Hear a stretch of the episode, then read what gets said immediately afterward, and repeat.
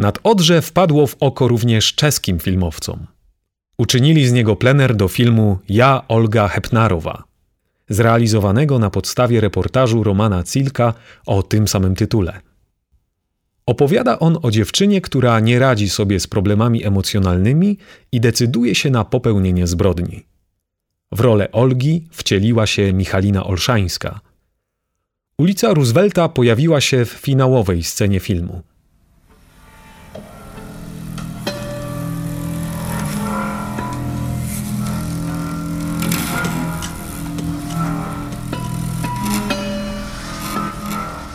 Na tak zwane siedem złotych pytań, będących dla kryminalistyki tym samym, czym twierdzenie Pitagorasa dla geometrii, co, gdzie, kiedy, jak, czym, kto, dlaczego, w dużym stopniu poznano odpowiedzi podczas samego wypadku.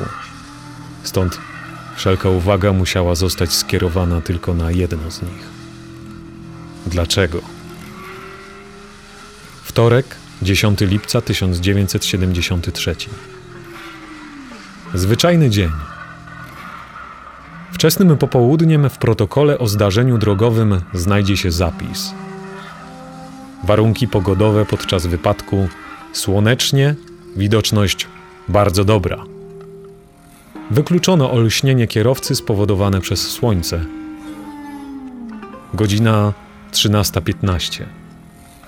Jakość jezdni na odcinku bezpośrednio przed placem Strossmayera była bardzo dobra. Nawierzchnia sucha, wyłożona drobną kostką brukową, średnie natężenie ruchu drogowego, nieco większe natężenie ruchu pieszego, szczególnie w pobliżu tamtejszego przystanku, skąd tramwaje jechały w kierunku wzgórza Letna.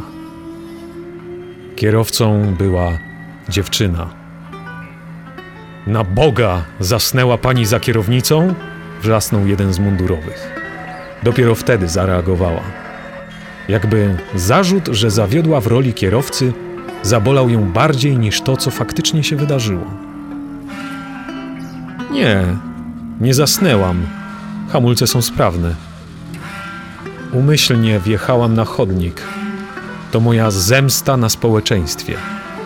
Za to, jak traktowało mnie przez całe moje życie.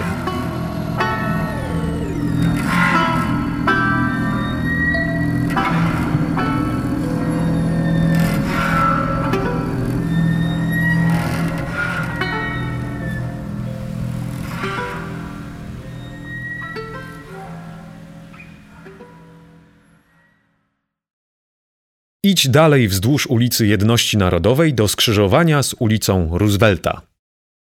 Z blisko 40 kin istniejących we Wrocławiu, pod koniec wojny ocalały tylko cztery, które można było przywrócić do korzystania. Nie miały jednak kompletnej aparatury, a ich stan techniczny pozostawiał wiele do życzenia. Pierwszymi osobami, które ożywiały działalność kin po wojennej zawierusze, byli dawni kiniarze z Lwowa, Stanisławowa oraz innych rejonów Kresów Wschodnich. Dzięki swojemu doświadczeniu zostawali kierownikami nowo organizowanych placówek, operatorami, konserwatorami sprzętu i poszukiwaczami sal, które po remoncie mogły na nowo gromadzić widzów. Wróć do ulicy Jedności Narodowej. Idź prosto przez przejście dla pieszych. Następnie skręć w prawo w ulicę Józefa Poniatowskiego. Idź prosto do przejścia dla pieszych. Na przejściu dla pieszych skręć w lewo. Idź wzdłuż ulicy Prusa i zatrzymaj się pod numerem 32. Jest rok 1923.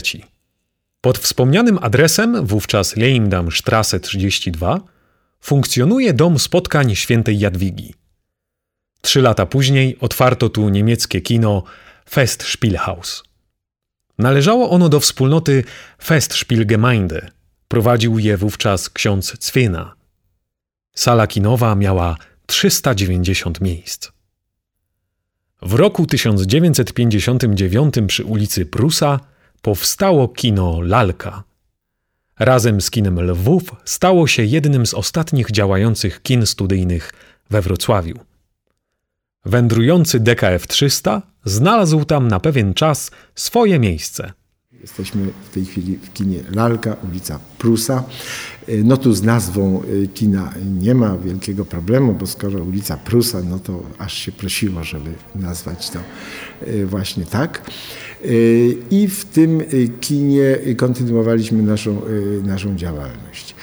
Tutaj było bardzo, bardzo dużo więcej możliwości, przede wszystkim było to większe kino i potem okazało się, że ta nazwa DKF-u 300 już staje się nieaktualna, ponieważ widzów przybywało coraz bardziej.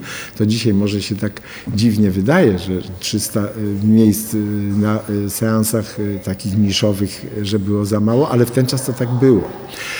I myśmy próbowali robić to na dwóch seansach, później na, w dwóch różnych dniach, ale to były już jakieś takie organizacyjne problemy. I w związku z tym z tej lalki po trzech bodajże latach przenieśliśmy się do dużego kina, już do innej dzielnicy, do kina Lwów. Ono się w ten czas jeszcze kino Przodownik nazywało przy ulicy Przodowników Pracy, no później Lwów przy Hallera. E, kino na 600 miejsc, nawet ponad 600 miejsc i w tym momencie ta nazwa DKF-u 300 powinna się e, pomnożyć. Na krótko przed zamknięciem przy kinie powstała restauracja dla kinomanów La Luna. Pod koniec czerwca 2011 roku kino Lalka zakończyło swoją działalność. Podczas ostatniego seansu widzowie obejrzeli francuski dramat Angèle i Tony w reżyserii Ali de la Porte. Nazwa kina nie odeszła jednak w zapomnienie. Znalazła nowe miejsce na filmowej mapie Wrocławia.